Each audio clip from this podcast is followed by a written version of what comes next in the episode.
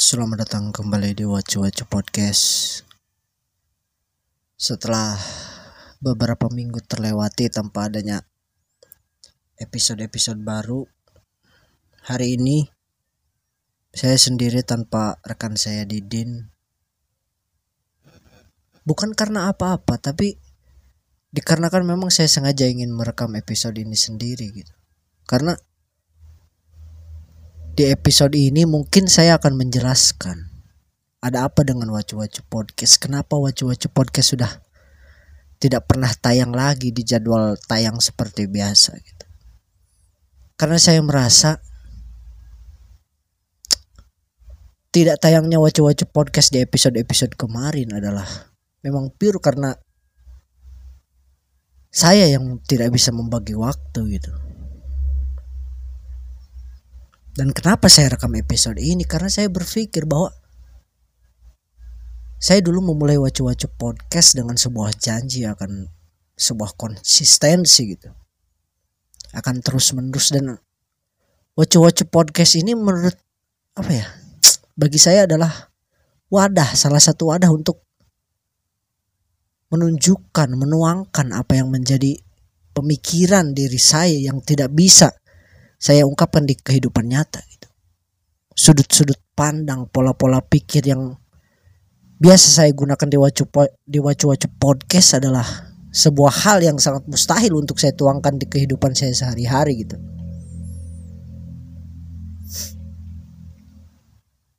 Ya, jika boleh dibilang semua ini berawal dari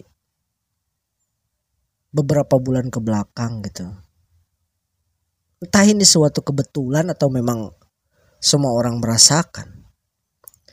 Saya pernah merasa ada di fase quarter life crisis gitu.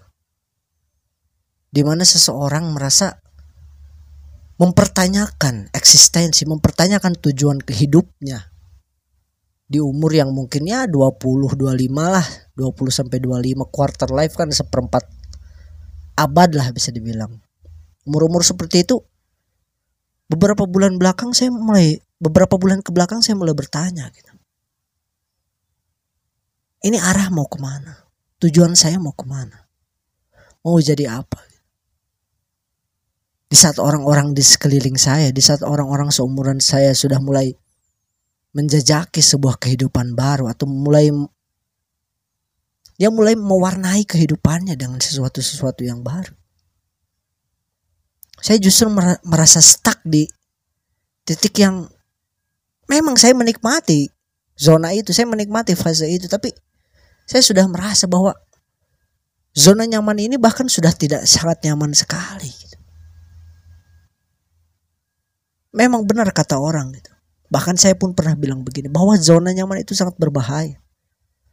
Dan saya terbukti terjebak di zona nyaman itu saya terlena dengan apa ya dengan prinsip saya bahwa menjalani hidup untuk hari ini saja.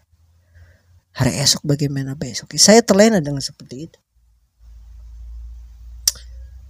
Di saat quarter life crisis itu terjadi saya mulai mempertanyakan dan memang benar bahwa Didina adalah salah satu orang yang membuat saya untuk menjaga konsistensi di Wacu-Wacu Podcast. Karena walaupun di saat kita hendak merekam atau hendak apa ya sudah ada di jadwal untuk record sebuah episode untuk wacu-wacu podcast di situ saya merasa sangat malas. Sangat gimana ya? Ya bad mood lah intinya. Tapi di saat kami sudah ngobrol di saat saya di, dengan Didin sudah ngobrol semuanya itu hilang gitu.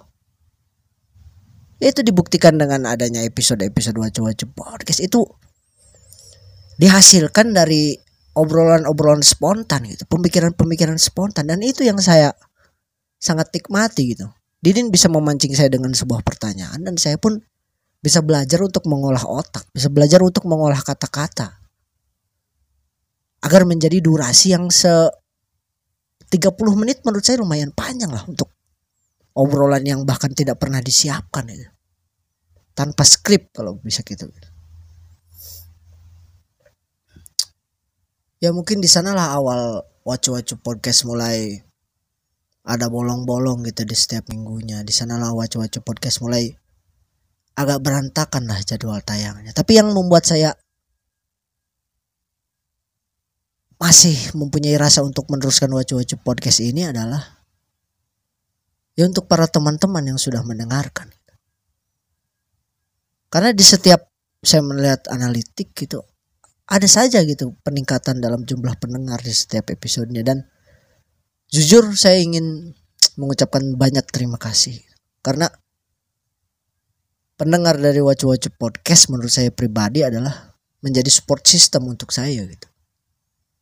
Untuk tetap melanjutkan Wacu-Wacu Podcast ini. Dan di titik saya sekarang saya sedang sedang berada di apa ya di situasi yang memang dari dulu saya inginkan gitu. Di situasi yang saya inginkan adalah saya mempunyai peranan dalam kehidupan sosial. Dan ternyata itu sangat berdampak besar gitu. Bukan hanya di Wacu-Wacu Podcast, bahkan di kehidupan pribadi saya pun agak berdampak besar gitu. Karena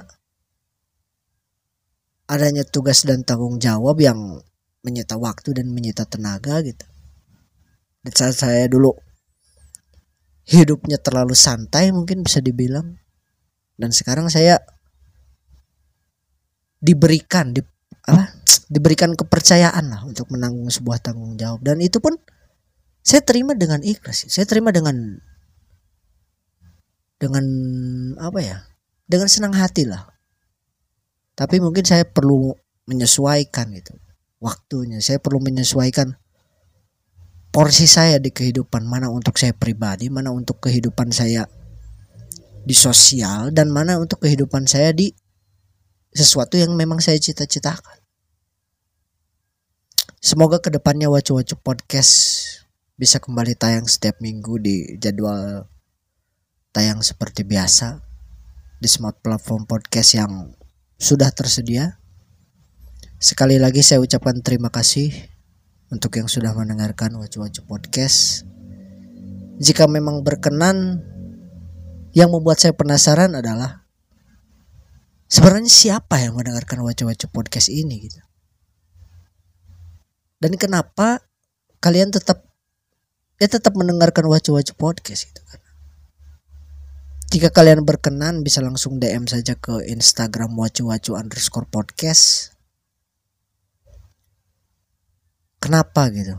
Kenapa kalian tetap mendengarkan? Karena